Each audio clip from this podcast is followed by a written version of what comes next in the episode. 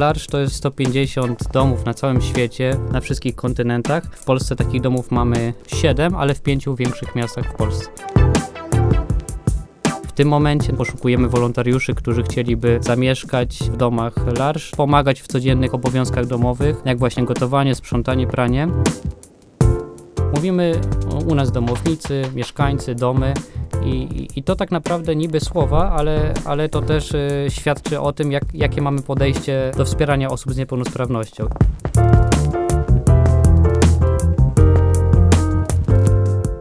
Michał Rypel. Jakub Korczyński. Witamy w kolejnym odcinku podcastu Zrównoważeni. Cieszymy się bardzo z tego, że dzisiaj y, mamy naprawdę niezwykłych gości. Tak, jest z nami Jakub Dykman y, oraz y, dwóch jego podopiecznych, Wiola i Artur. Pytanie do ciebie, Jakub, jakbyś mógł siebie przedstawić, y, co robisz i też tutaj naszych cudownych podopiecznych. Dzień dobry Państwu. Jestem dyrektorem Fundacji Larsz, dyrektorem wrocławskiego oddziału tej, tej fundacji. Przyszli tutaj z, z nami Wiola Pawłowska. Cześć Wiola. Cześć. Cześć. Wiola jest mieszkanką domu Tęcza, w którym mieszkają osoby z niepełnosprawnością intelektualną. Ile lat już tu mieszkasz w tej tęczy? Trzy. No, trochę więcej, bo pewnie Więcej. prawie 15, nie? I jest z nami jeszcze Artur Michowski. Artur, kilka słów od ciebie. Mieszkam tu od 7 lat. Mieszkam koło Wałbrzycha, u księdza. Sta- tam wcześniej mieszkałeś. Tak. 18 lat u niego mieszkałem. A od jakichś 6 lat mieszkasz u nas w fundacji jako mieszkaniec zespołu mieszkań chronionych. Tak. To taką jesteśmy ekipą dzisiaj z wami. Jak to jest, że y, organizujecie się właśnie w y, takich domach? Jak wygląda, y, powiedzmy, budowanie takiej nowej przestrzeni? Bo rozumiem, że to nie było tak, że od razu powstawało kilka, tylko pewnie kolejno, jedna po drugim, prawda? Larsz jest określeniem Arki Noego, biblijnej łodzi, gdzie Noe, biblijna postać, znalazła schronienie dla swojej rodziny zwierząt y, przed potopem. W tamtych czasach, kiedy to było zakładane, naprawdę był potop i my musieliśmy te osoby trochę z tego świata wyciągnąć, żeby naprawdę pokazać im, że są ważne, że, że je kochamy i że są bardzo znaczące, więc można powiedzieć, że wtedy ten znak był jeszcze bardziej oczywisty niż dzisiaj. Tak, no historycznie y, te domy w ogóle zaczęły się od tego, że była inicjatywa poszczególnych ludzi, e, żeby zamieszkać z osobami z niepełnosprawnością intelektualną i początkowo szczególnie ten rodzaj niepełnosprawności, czyli niepełnosprawność intelektualną wspieraliśmy jako fundacja, trochę tak ze względu na to, że osoby z niepełnosprawnością intelektualną były trochę spychane na margines, no były naprawdę traktowane w sposób y, nie najlepszy. Nie odróżniało się wtedy osób z niepełnosprawnością intelektualną od osób z zaburzeniami psychicznymi. Jak dzisiaj naukowo wiemy, są to dwie różne rzeczy.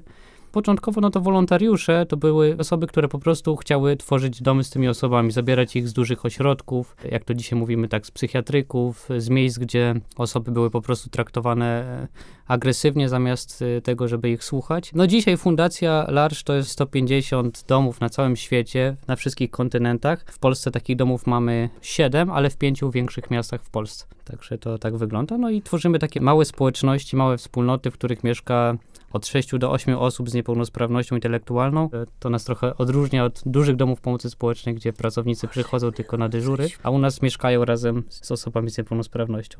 Zgadza się? Tak.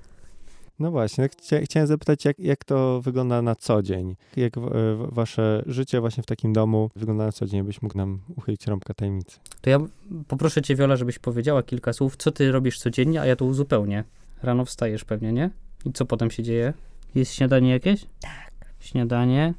A po śniadaniu co robicie? Ja upratuję u Kaci Prześlewicz. A, na warsztaty chodzisz, nie? Do pracowni rękodzieła. Tak. I co tam robisz na tej pracowni? Maluję. Malujesz. Układam. Co układasz? Puzzle. Puzzle. To bardzo trudne. No jak już jesteś zmęczona po tych zajęciach, To To- i się kładę i śpię. a, to dopiero wieczorem. A jakiś obiad jecie? Obiad. A po obiedzie na co macie czas? Odpoczywanie. Pijecie kawę jakąś, herbatę? Tak. I wieczorem trzeba odpocząć, czyli do Tak. spania. Czyli rozumiem, że taki zwykły dzień. Tak. No, no bo tak jest naprawdę, nie? że życie w domach Larsz to jest naprawdę takie zwykłe, codzienne życie, że rano trzeba wstać, zjeść śniadanie, trochę się ogarnąć. Kto chodzi do pracy, tak jak Artur, to chodzi do pracy, kto chodzi na warsztaty terapii zajęciowej, to chodzi na warsztaty. Traktujemy to jako praca, jako wysiłek, który człowiek wkłada, bardzo ważny też w, w własny rozwój. Potem oczywiście czas na obiad, po obiedzie jest trochę relaksu, rekreacji, y, wspólne spędzanie czasu wolnego, jakiś spacer. No i wieczorem może jakiś film czasami, kolacja i do spania. Czyli zwykły dzień. To tak jakbym opisał dzień pewnie każdego człowieka. Faktycznie, brzmi, e, brzmi jak zwykły dzień, ale e, gdzie Artur pracuje, bo też ten temat się jeszcze nie pojawił. Będę, będę pracował w ochronie. O, Bo zmieniasz pracę teraz, prawda? Mhm. Tak. a gdzie pracowałeś wcześniej? W hurtowni. W porządku. I jak ci się tam podobało? To Fajnie. W porządku? Pły- Płyny produkujemy tam. No, chyba 50 50 rodzajów płynów robimy. Robiliśmy. Mhm. Tak są teraz stawić maszyny. Ma, mają być tam parę osób pracować, ma, maszynowe mają. Ty pomagałeś Artur w rozlewaniu tych Tak, płynów. tak, tak. Płyny takie różne. Różne rodzaje płynów. 50 rodzajów płynów. A ile tam pracowałeś, Artur? 5 lat. O, to kawał czasu tam spędziłeś, naprawdę. Fajnie, fajnie. Jak było na początku tam? Musiałeś się przyzwyczajać do, do tych warunków? Tak, musiałem przyzwyczajać. Tu, tu, tu nie taka średnia firma to jest. Po 7 ton myśmy w ciągu tygodnia nalewałem. To dużo, 7 tysięcy litrów. A ja będę pracowała w pogotowiu. To twoje marzenie.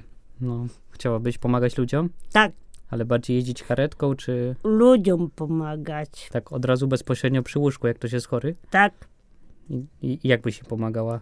leczyć ludzi, zbadać. No to kochana jesteś. No. Wracając do pytania, jak wygląda nasz, e, nasz dzień, co, co robimy w, w naszych domach, mm, no naprawdę to nie odbiega dużo od, od e, zwykłego życia każdego, każdego człowieka. E, No z tym, że po prostu tworzymy takie trochę większe te nasze społeczności, wspólnoty. E, No, rodziną nie jesteśmy, bo nie ma ojca, nie ma matki, tak, ale, ale są relacje, e, bliskie relacje, które tworzą osoby z niepełnosprawnością razem z pracownikami, wolontariuszami, z którymi też mieszkają. I to jest coś niezwykłego, ten klimat, można powiedzieć, taki rodzinny. Jest, jest ciepło, jest, jest przyjemnie. Kto może zostać takim wolontariuszem? Jak w praktyce wygląda właśnie y, praca wolontariusza? Wolontariuszem może zostać e, no, każdy, kto ma do tego e, ochotę i czas, żeby, żeby po prostu ten wolontariat nie był tylko na papierze, ale żeby te osoby naprawdę do nas przychodziły e, i w- wkładały powiedzmy jakiś tam kawałek e, w naszą całą układankę, kawałek jakiegoś małego puzzla.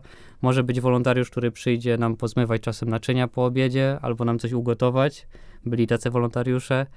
Czasem przyjdzie ktoś, kto po prostu umie prowadzić na przykład zajęcia z emisji głosu albo teatralne i, i w ramach naszej rekreacji po, e, po obiedzie może nam takie zajęcia przygotować. Są też wolontariusze, którzy udzielają się w pracowniach e, plastycznych, rękodzielniczych, bardzo cenni dla nas.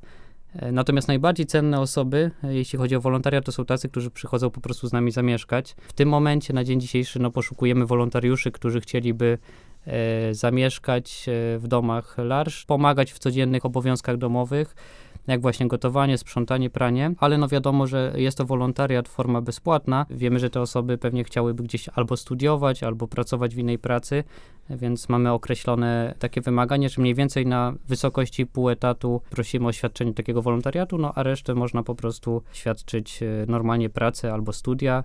A my oferujemy no, wyżywienie i, i dobre warunki zamieszkania. Jak nas słyszą jacyś potencjalni wolontariusze, może studenci, którzy szukają jakiejś dobrej stacji we Wrocławiu i, i przy okazji chcieliby coś dobrego zrobić dla siebie, dla innych, to, to zapraszamy. Jeżeli właśnie chodzi o współpracę z wolontariuszami, to na ile osoby się zdecydują, żeby zamieszkać właśnie w, w takim domu? W sensie, czy to przychodzą na miesiąc, na rok?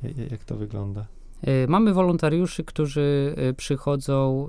y, Jeśli chodzi o zamieszkanie, to, to tak w minim, minimum nam zależy, żeby ktoś zamieszkał z nami rok, bo inaczej jest u nas wiola w zimie, nie? Tak, Inaczej jest w lecie, jak wyjeżdżamy na jakieś wyjazdy wakacyjne, na wiosnę, inaczej na jesień. Więc nam zależy, żeby taki wolontariusz miał okazję też nas zobaczyć w każdej porze roku. A jeśli chodzi o taki wolontariat doraźny, czyli przyjść, coś zrobić konkretnego i wyjść i przyjść na następny raz, to takie współprace nieraz są trzymiesięczne, gdzie ktoś, nie wiem, raz w tygodniu przychodzi, e, dwa razy w tygodniu, właśnie z jakimiś konkretnymi rzeczami, którymi może nas e, zainteresować, zaoferować naszym mieszkańcom. Kiedy czytałem na temat y, LARSZ, to natknąłem się na słowo wspólnota i ono mnie bardzo poruszyło, bo też nie każda fundacja, nie każda organizacja i też nie każda grupa ludzi mówi o sobie jako wspólnota. Takie bardzo y, mocne słowo wydaje mi się. Nie każdego po prostu stać na używanie go. Y, Jak wy rozumiecie y, słowo wspólnota? W jaki sposób wy tworzycie wspólnotę? Jaka idea za tym stoi? Ja może to powiem. Artur, może byś chciał powiedzieć, czym dla ciebie jest wspólnota, w której jesteś? By wspólnie żyć. To się, jasne, wspólności 7 lat. Co to znaczy, że jesteś członkiem wspólnoty dla ciebie? Trudno mi powiedzieć. A dla ciebie, Wola? Też jest wspólnota. Jesteś we wspólnocie też? A co to znaczy? A ja lubię was. To też jest rodzaj wspólnoty. Jak się ludzi wokół siebie lubi, Michał. prawda? Y, tak, więc wspólnota to jesteście, mówiąc krótko, wy i relacje między wami. Przynajmniej tak zrozumiałem i Artura, i Wiolę. No to jest jakieś takie sedno, bardzo dobrze zrozumiałeś.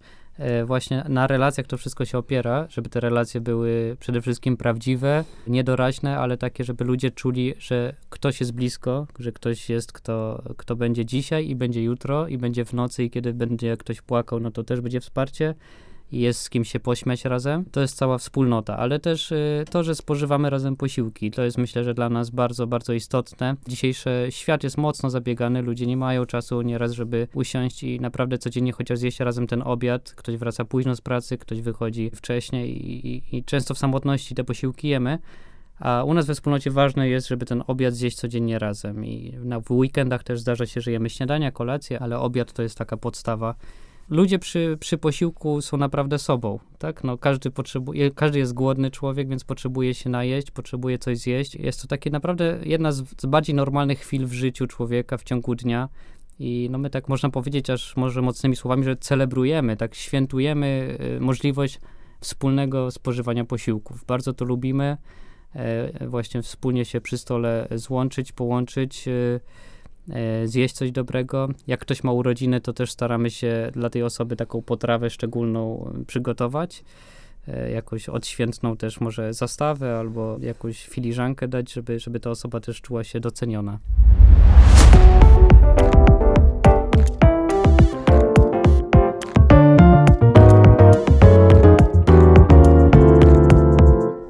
Kiedy przychodzi taki nowy wolontariusz y, do domu, Larsz, to rozumiem, że on oczywiście jest przedstawiany, wprowadzany, ale ten proces aklimatyzowania się, czy może po prostu nabywania nowych umiejętności, które będą przydatne y, w pomocy Larsz, y, on jest, rozumiem, jakiś rozciągnięty w czasie. To, to, to są jakieś warsztaty, to są jakieś zajęcia, które uzupełniają mm, wiedzę na przykład? E, Tak, w każdym z domów jest osoba, która koordynuje dom. My mówimy na tą osobę osoba odpowiedzialna za dom. I ta osoba w swoich obowiązkach ma za zadanie też wprowadzać nowych e, wolontariuszy, stażystów, czyli osoby, które przygotowują się e, do bycia takimi regularnymi opiekunami osób niepełnosprawnych, przejść z nimi przez cykl spotkań wprowadzających w bycie dobrym wolontariuszem albo właśnie opiekunem. E, I to są takie spotkania, gdzie uczymy się, uczymy tych nowych, nowe osoby funkcjonowania właśnie we wspólnocie, czyli co jest dla nas ważne, że ważne są dla nas relacje, to żeby być szczerym, żeby być otwartym, żeby nie wiem, przepraszać, jak coś się źle zrobi, dziękować, żeby wspólnie świętować, a z drugiej strony uczymy się takiego e, profesjonalnego podejścia do opieki, czyli co to znaczy, e, jak to powiedzielibyśmy w dzisiejszym języku, dostarczać dobre usługi dla osób z niepełnosprawnością. Jak zrobić, żeby one czuły się naprawdę wysłuchane i zadbane, czy to jest w formie właśnie higienicznej, e, jeśli uczymy się, jak we właściwy sposób je wspierać w towarzyszeniu właśnie podczas kąpieli, jak we właściwy sposób wspierać w samodzielności, w tym, żeby ten rozwój był coraz lepszy y, poprzez trening ekonomiczny, trening, trening też relacji interpersonalnych, to bardziej w mieszkaniach chronionych, czyli w miejscu, gdzie mieszka e, Artur. Bo Artur mieszka w mieszkaniach chronionych, to takie miejsce, gdzie ludzie docelowo y, nie są na całe życie, tylko na jakiś okres przystosowawczy do, do samodzielnego życia. Więc mam nadzieję, że Artur też kiedyś będziesz chciał w takim swoim domu zamieszkać, a u nas w, w Larsz nauczysz się po prostu tego, jak, jak być samodzielnym. A z kolei Viola i inni mieszkańcy, no tak naprawdę na całe życie zostajecie z nami w Tak. tym domu, nie? Albo bardziej my z wami, bo asystenci wolontariusze często się zmieniają, a wy jesteście tam cały czas. W naszym podcaście głównie zajmujemy się y, tematami związanymi z klimatem, co, co powinniśmy, czego nie powinniśmy robić, żeby chronić naszą planetę. No ale nasza planeta to nie są tylko jakieś zwierzątka w Afryce czy misie polarne na krze lodowej, tylko to jesteśmy też my, ludzie, całe nasze społeczeństwo. E, I tutaj pojawia się takie ważne pojęcie mm, empatii. E, I chcielibyś, właśnie zaprosiliśmy Was dzisiaj, żebyśmy porozmawiali też o empatii. Mam pytanie do Ciebie, Jakub, jak Ty to rozumiesz, to pojęcie i jak to się przekłada na Waszą działalność? Ja, ja może opowiem też kilka słów jeszcze o sobie, że ja wcześniej, przed tym jak zostałem dyrektorem, to byłem y, takim właśnie regularnym opiekunem osób z niepełnosprawnością. Mieszkałem, dzieliłem dom, kuchnię, łazienkę z, z naszymi przyjaciółmi nie, z niepełnosprawnością. E, więc dla mnie empatia to jest e, dużo, dużo szersze słowo niż jakbym powiedzmy teraz został dyrektorem tak z ulicy i, i miałbym w to wszystko wejść. Traktuję to dalej jako, jako swój dom, pomimo, że no bardziej teraz zarządzam i, i, i rzadziej jestem w domach, to, to dalej jest to jakoś mój dom. I tej empatii ja się tak naprawdę uczyłem przez, przez lata, kiedy mieszkałem w Larsz. Dla mnie to nie chodzi tylko o to, żeby opiekować się osobami z niepełnosprawnością, ale żeby przede wszystkim z nimi żyć. To znaczy, żeby nauczyć się tego funkcjonowania w otoczeniu, gdzie te osoby są. I nie, nie traktować tego jako jakiś dodatek do życia, tylko traktować to jako normalne życie, gdzie te osoby po prostu są, fizycznie są, gdzie wierzę w to, że powinny też być w społeczności, powinny być widzialne, dostrzegalne, zauważone. I tam ja się tej empatii też powiedzmy jakoś uczyłem. Uczyłem się też wtedy, kiedy widziałem też osoby, które nie najlepiej się czują, kiedy ktoś po prostu, nie wiem, mocno cierpi, płacze i próbowałem też po prostu tak po ludzku zrozumieć dlaczego. Dlaczego na przykład Wiola czasem płacze, dlaczego ktoś jest wzruszony, a, a co powoduje, że nagle jest wybuch śmiechu i radości. Uczyłem się, można powiedzieć, to jest bardzo duże słowo, ale takiego życia, życia dużo bardziej prostszego, gdzie można zauważyć takie zwykłe, codzienne zachowania innych osób, że te zachowania też jakoś mają swoje źródło. Źródło w szczęściu, źródło w tym, że razem mieszkamy. Nie wiem, czy jestem dzisiaj empatyczny, natomiast bardzo kocham te osoby, z którymi spędziłem swoje lata i ta, ta empatia po prostu to jest coś, co samo przyszło, dzieląc życie z tymi osobami z niepełnosprawnością. A czy empatia to jest coś, czego się uczymy? Mógłbyś powiedzieć, że uczyłeś się tego? Myślę, że tak. Jak żyjesz wspólnie e, z innymi osobami i z osobami z niepełnosprawnością i z asystentami, czyli z pracownikami, opiekunami takiego domu, to jesteś wystawiony na bardzo dużo wyzwań. Wyzwań związanych z tym, że coś zrobisz niedokładnie, nie tylko ty, ale inne osoby też mogą coś zrobić niedokładnie i trzeba tym osobom być dla nich wyrozumiałym. Tak? Trzeba być wyrozumiałym dla kogoś, jak nie posprząta dokładnie i bardziej cieszyć się z tego, że zrobiliśmy to razem, niż że zostało coś zrobione niedokładnie. Pamiętam, że dla mnie bardzo e, taką szkołą życia było to, jak zacząłem być e, opiekunem. W pewnym momencie miałem do, nie wiem, do posprzątania klatkę schodową i ówczesna osoba, która była odpowiedzialna za dom, poprosiła, żebym zrobił to z osobą z niepełnosprawnością. Bliżej mi do perfekcjonisty niż do takiej osoby, która e, no, jest taka, nie wiem, mocno zaktywizowana do działań z innymi, tylko lubię robić zadanie, które mam, wykonać je i skończyć, więc chciałem sam tą klatkę schodową posprzątać i zrobić to dobrze. Ale ta osoba odpowiedzialna za dom poprosiła, żebym zrobił to wtedy z Pawłem, który jest jednym z mieszkańców naszych domów. I ta klatka schodowa była posprzątana fatalnie, tak? Wszędzie było jeszcze bardziej brudno niż wcześniej. Tak jak wcześniej były jakieś grudki ziemi z parku przeniesione, czy, czy jakieś tam y, włosy, różne rzeczy, no to po umyciu tej klatki schodowej to wyglądało po prostu tragicznie. Ale ta osoba wtedy mi, ta osoba odpowiedzialna za dom powiedziała, że właśnie o to chodzi w naszym życiu. Nie o to, żeby było brudno, ale o to, żeby nauczyć się pracować razem z osobami z niepełnosprawnością. I nie musi być wszystko dokładnie zrobione, ale ważne, żeby y, robić to razem. No i dla mnie to jest też ta empatia. A jak myślisz, jak ta empatia przekłada się na nasze całe społeczeństwo? Wychodząc poza kontekst tej twojej działalności, tylko jak to może się przełożyć na to, e, żebyśmy żyli lepiej? Myślę, że empatia dla społeczeństwa to jest zauważenie po prostu tego, że są wokół nas inne osoby, nie tylko takie, które e, potrzebują pomocy, które fizycznie widać, że Mm. potrzebują pomocy, bo ktoś na przykład porusza się na wózku, ktoś jest niewidomy, ktoś jest bezdomny, ktoś jest alkoholikiem. Wiadomo, że te osoby po prostu widać, że potrzebują pomocy. Ale myślę, że społeczeństwu potrzeba też takiej empatii, żeby zobaczyć, że drugi człowiek, który nie wygląda na niepełnosprawnego, chorego, też jest człowiekiem, który ma swoje potrzeby, ale przede wszystkim, że potrzebuje być wysłuchany, że trzeba mu poświęcić czas, trzeba się z nim spotkać i dzisiaj społeczeństwu grozi wielka, wielka też myślę, że samotność. Wiele ludzi, pomimo, że jesteśmy wszędzie w różnych rzeczywistościach wirtualnej i w rzeczywistości takiej, no też w ramach pracy się spotykamy, to mimo to wielu ludzi myślę, że jest samotnych. Samotność zdarza się w małżeństwach, samotność zdarza się tam, gdzie po prostu są ludzie. I rozwiązaniem byłoby, żeby nauczyć się słuchać drugiej osoby, żeby tworzyć przestrzenie, gdzie druga osoba może być wysłuchana. Nawet jakby to na początku wyglądało sztucznie, że spotykamy się i mówimy jakieś rzeczy, które normalnie by się nie mówiło, na zasadzie jakiegoś takiego dzielenia, e, co u mnie, co u ciebie, ale po jakimś czasie myślę, że to może doprowadzić, że ludzie będą bardziej empatyczni, bardziej skłonni do tego, że nie tylko ja mam jakieś problemy swoje, ale ktoś inny też ma te problemy. A jak ktoś zauważy, że ja wychodzę do kogoś z otwartością, to ta druga osoba też znajdzie, powiedzmy, lukę we mnie, gdzie może mi pomóc, gdzie może sprawić, że będę mniej samotny, będę bardziej szczęśliwy. A jak są postrzegane osoby niepełnosprawne intelektualnie obecnie? Bo ty wspominałeś o tym, że historia była taka, że kiedyś właśnie te zakłady psychiatryczne chciano zabrać te osoby stamtąd, bo to nie było dla nich dobre miejsce. Jak to postrzeganie wygląda obecnie?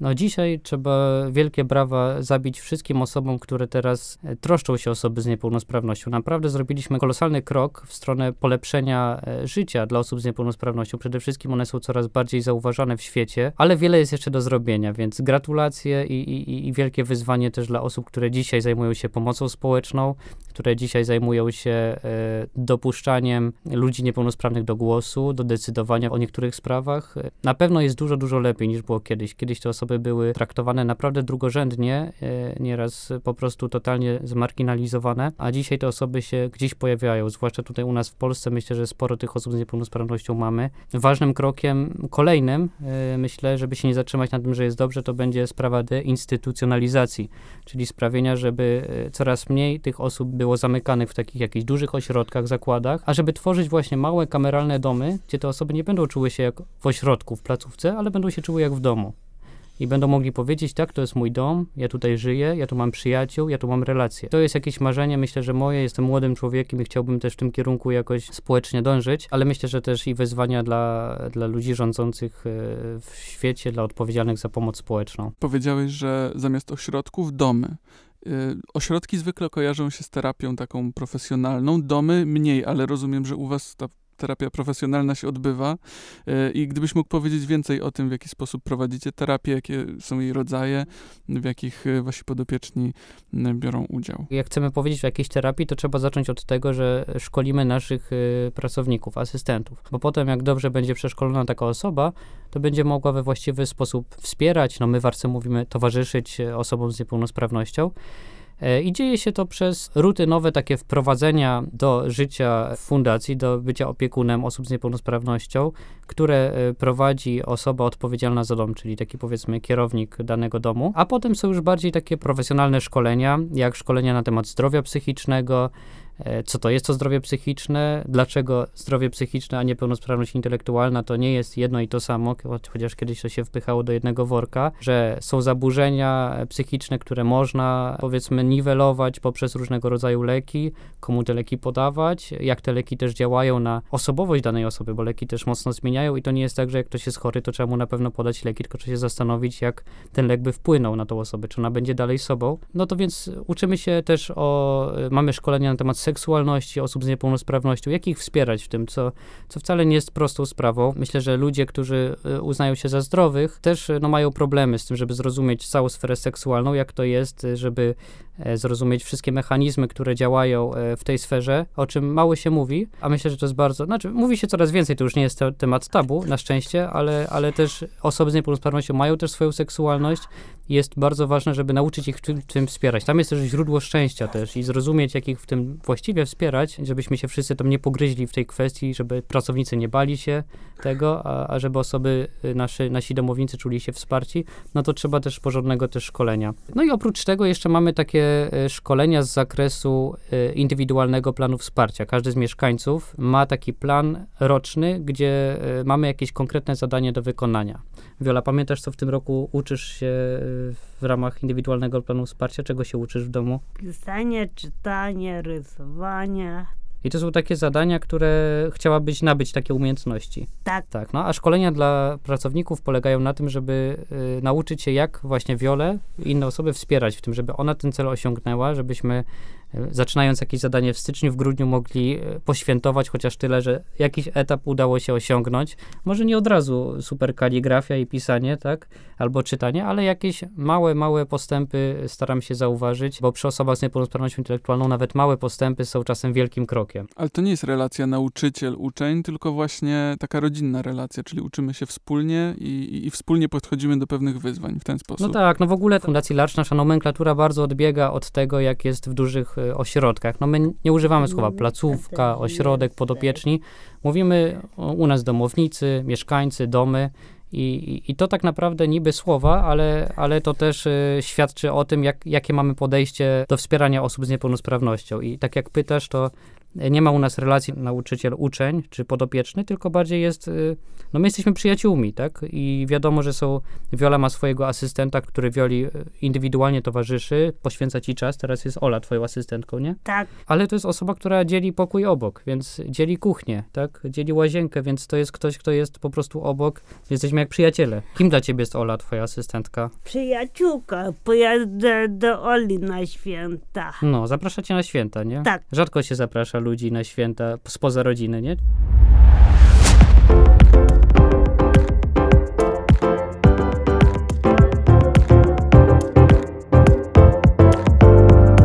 Tu nam Artur dużo powiedział o swoich doświadczeniach zawodowych. Jak to wygląda właśnie w, w przypadku firm, kiedy firma chciałaby zatrudnić taką osobę? Jak y, wy przygotowujecie taką osobę do, y, do pracy? Jak to wygląda? To bardziej dotyczy y, zespołu mieszkań chronionych, czyli miejsca, gdzie mieszka Artur, plus dziewiątka was jest, tak? Innych osób teraz, więc razem, razem ty, w tym momencie jest 10 mieszkańców i tam właśnie staramy się, żeby te osoby wychodziły też do pracy, żeby szukały pracy w społeczności lokalnej. Niektórzy pracują gdzieś tam w gastronomii, właśnie Artur w rozlewni chemikali pracował, teraz byś chciał w ochronie pracować, prawda?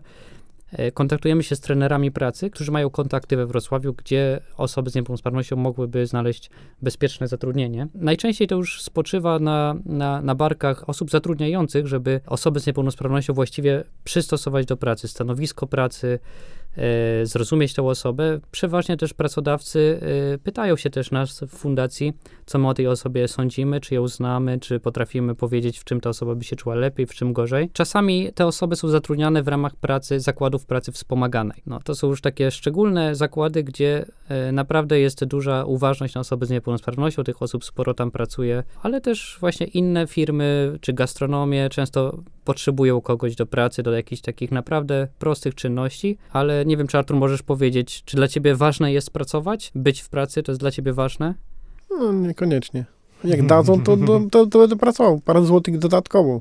Nie spodziewałem się takiej odpowiedzi. Myślałem, że ty chcesz pracować. Ale chcę pracować. Musimy jeszcze, musimy jeszcze Artur, tutaj zrobić trening pracy w Arce. No, No. no super, Kuba. Bo wa wa ważne jest, żebyś pracował, no bo kiedyś wyjdziesz, e, za- zaczniesz mieszkać w swoim domu, w swoim mieszkaniu i żeby się utrzymać, trzeba mieć pracę, no. Ale myślę, że znajdziesz dobrą pracę. Jak się uda. No, będziemy szukać. A jak wygląda dostępność takiej pracy? Przy wsparciu organizowanym dla 10 mieszkańców, to, to nie trzeba dużo, dużych kontaktów. Po prostu nieraz pocztą pantoflową, gdzieś ktoś słyszy, że szukają pracownika, to my możemy kogoś tam podpowiedzieć, ale to raczej nie jest jakoś bardzo skomplikowane. To bardziej chodzi o chęci e, naszych mieszkańców, żeby podjąć pracę, niż, niż to, żeby tą pracę znaleźć. Też e, wspomniałeś o takim bardzo ciekawym temacie e, seksualności, który rzeczywiście, no, w, e, zwłaszcza w Polsce, w niektórych kręgach dalej jest tematem tabu.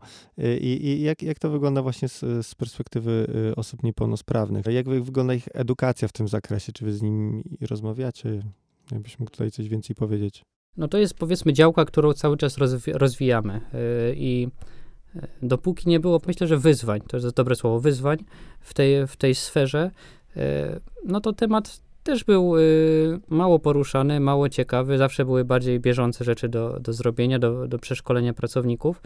Natomiast jak już pojawia się na tapecie jakiś konkretny problem i coś trzeba z nim zrobić, e, żeby się wzajemnie nie pokrzywdzić i, i żeby po prostu nie traktować inne osoby z niepełnosprawnością, że my im czegoś zabraniamy, że zakazujemy pewnych kontaktów, no to trzeba naprawdę ten temat przepracować. Uczymy się tego przy wsparciu e, psychologów, psychiatrów. W tym momencie stworzyliśmy grupę, która tu we Wrocławiu zajmuje się tematem seksualności osób z niepełnosprawnością. Do tej grupy zaprosiliśmy takie osoby jak profesora genetyki, osoby, które są e, związane z prawem. Zaprosiliśmy też osoby z niepełnosprawnością, szukając też doświadczeń e, pozytywnych zderzenia się z, z trudami seksualności, gdzie też na podstawie pewnych doświadczeń, które zostały już przeżyte, na przykład w domach fundacji we Francji, w Wielkiej Brytanii, mogliśmy się nauczyć, jak powinniśmy te osoby wspierać, żeby te osoby naprawdę nie czuły się, że my im czegoś zabraniamy, ale też e, my korzystamy z tego, że funkcjonujemy w taki sposób, że potrafimy coś zanalizować i zobaczyć jakiś skutek,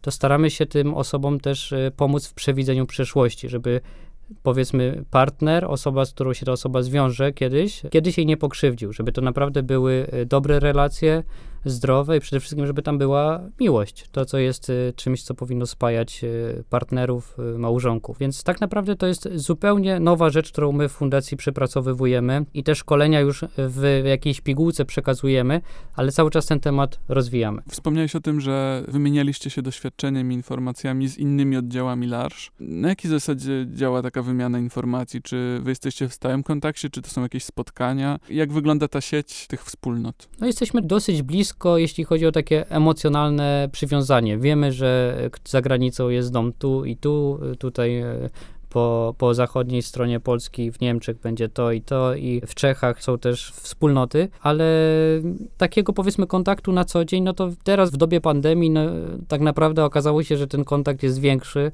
bo bardziej się zmotywowaliśmy do tego, żeby wymieniać się doświadczeniami online, żeby spotykać się na, na Zoomie, na Teamsach, trochę tam sobie pomachać, wypić razem kubek kawy. Konkretnie w, w kwestii seksualności to po prostu dzwoniliśmy do osób, gdzie wiemy, gdzie jakiś problem był i został pozytywnie e, rozwiązany. I naprawdę radziliśmy się, żeby zobaczyć, czy może takie rozwiązanie, które zaproponowała ta, ta wspólnota tam gdzieś we Francji, czy by nie można było zaadoptować do nas. Mhm. Czy właśnie jakieś historie z sukcesu w tej materii, że powiedzmy związki takie intymne tutaj w Polsce mogły się podzielić jakimiś historiami? Skorzystaliśmy mocno z doświadczenia jednej ze wspólnot we Francji, gdzie były dwie osoby z niepełnosprawnością, które darzyły się też uczuciem. Ta niepełnosprawność niepełnosprawność była mm, w stopniu znacznym, głębokim, czyli taka, która trudno jest wyobrazić sobie taką osobę w związku partnerskim, małżeńskim na stałe. I tutaj będę, może, może tak po prostu teraz na bieżąco myślę, ale ja mówię, używam słowa, że trudno wyobrazić sobie, a może po prostu przeskok powinien być taki, że kiedyś zaczniemy sobie to wyobrażać i będzie to naprawdę normalne. Ale też widzicie, słyszycie, jakich słów używam. To pokazuje, że my cały czas z tą tematyką zderzamy się i próbujemy wypracować jakieś, jakieś działanie. Ale tam we Francji okazało się, że mieszkańcy, że, że dwójka mieszkańców, kobieta i mężczyzna, mm, wszystkim się wydawało, że chodzi o intymne relacje seksualne między nimi. Natomiast rozwiązanie okazało się bardzo proste, żeby stworzyć im miejsce, gdzie obydwie osoby mogły się się spotkać w bezpiecznych warunkach, wysłuchać i okazało się, że to wystarczyło do tego, żeby ta relacja seksualna była obecna, żeby każdy był szczęśliwy. Nam się wydawało, opiekunom, że tam y, no, jest groźba tego, groźba, złe słowo znowu, ale przepraszam, po prostu też to na bieżąco myślę. Groźba tego, że urodzi się w efekcie dziecko i co z takim dzieckiem zrobić? Czy wspólnota ma się nim zaopiekować, czy jakiś inny organ? Co zrobić, żeby te osoby się wzajemnie nie pokrzywdziły? Tak jak mówię, rozwiązaniem było stworzenie klimatu, miejsca, gdzie one mogły porozmawiać, że ta seksualność została skanalizowana. Nam się wydaje, że e, nieraz zdrowym ludziom, no mówię tu o sobie, że seksualność to wiąże się tylko i wyłącznie z tym, żeby mm, wzajemnie też e, współżyć, żeby dochodziło też do, do stosunku seksualnego.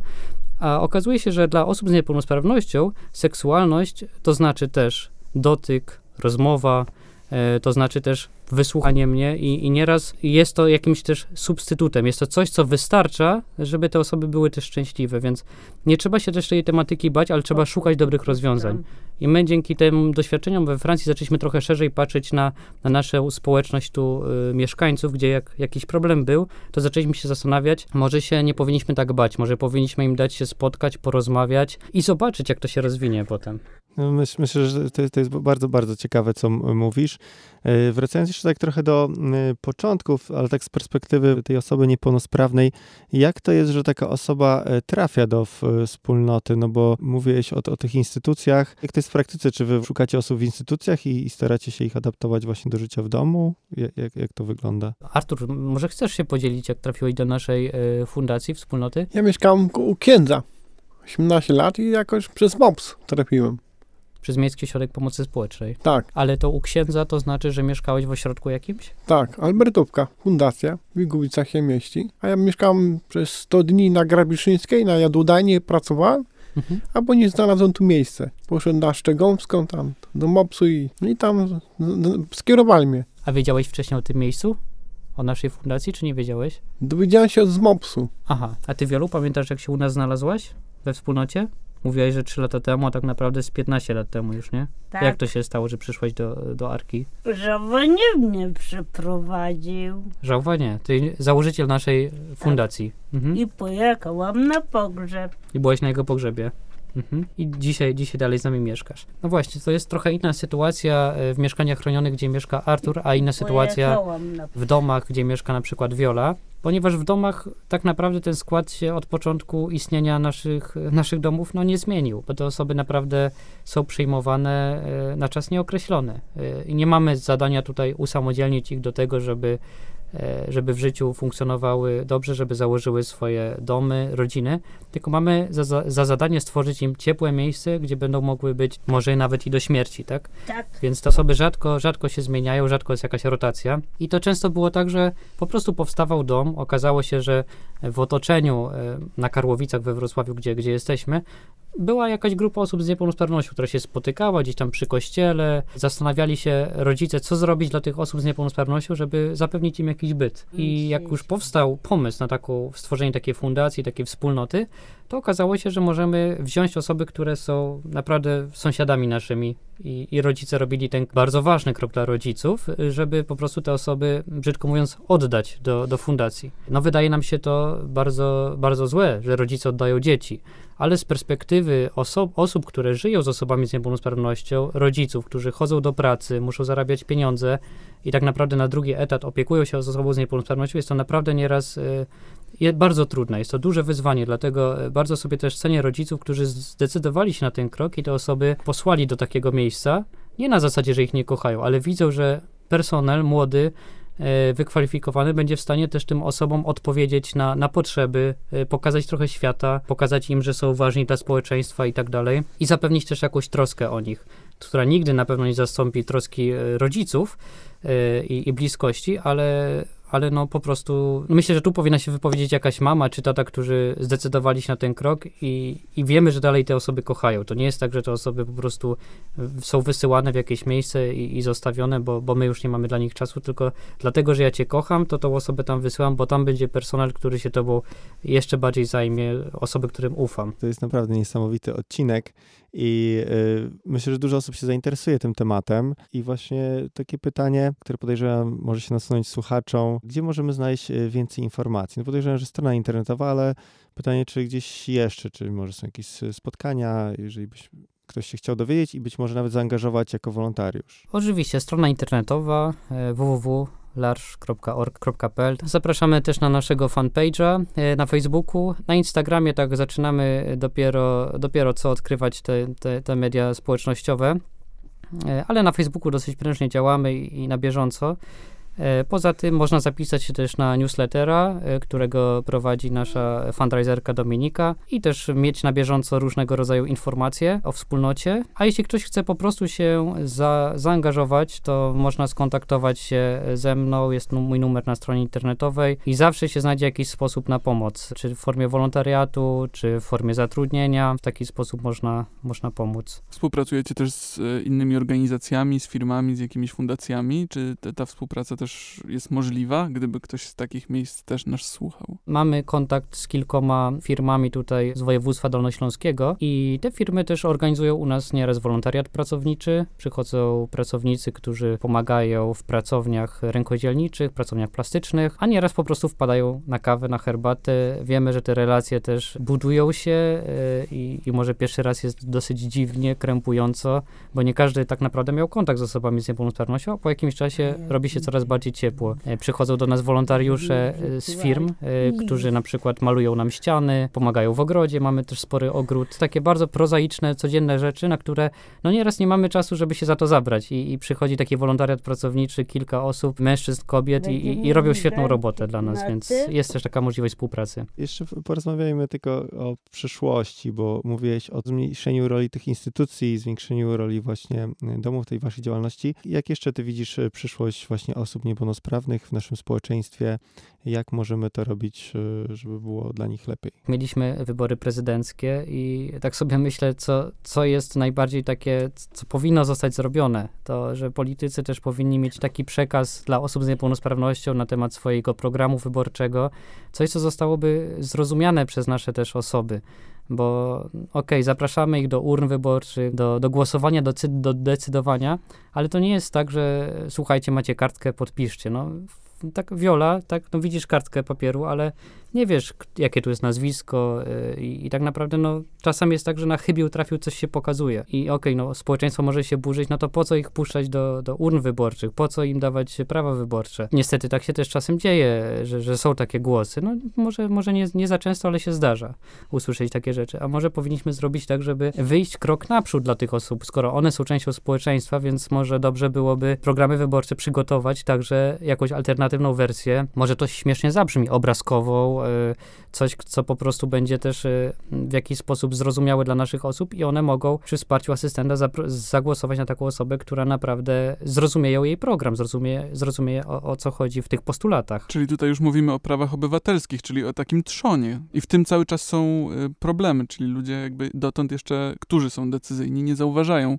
takich potrzeb. No myślę, myślę że tak, a, a no jednak jest to duża część też społeczeństwa, czyli osoby z niepełnosprawnością, które potrzebują wsparcia, więc inkluzja, cała inkluzja, czyli wychodzenie na zewnątrz razem z naszymi osobami z niepełnosprawnością. Nie, że my robimy coś dla osób z niepełnosprawnością, my świadczymy opiekę, my dostarczamy usług, tylko robimy coś razem, więc jak razem wybieramy prezydenta, no to róbmy to razem, ale każdy na podobnym poziomie zaangażowania i nie jest nic złego to, żeby, myślę, że no powinno to być czymś naturalnym, że y, jak się robi powiedzmy alternatywną wersję dla osób niewidzących, gdzie jest y, alfabetem y, Braille'a napisane różne rzeczy, programy wyborcze, to zróbmy też coś dla osób z niepełnosprawnością intelektualną, którzy no potrzebują też takiego wsparcia, e, większego zaangażowania, może też i nakładu jakiegoś, jakichś pieniędzy, żeby to przygotować, ale wątpię, że ten nakład pieniędzy będzie aż tak duży, który pożre budżety i tak dalej. To jest po prostu kwestia myślenia kreatywnego, współpracy z fundacjami, które zajmują się osobami z niepełnosprawnością i tworzenia czegoś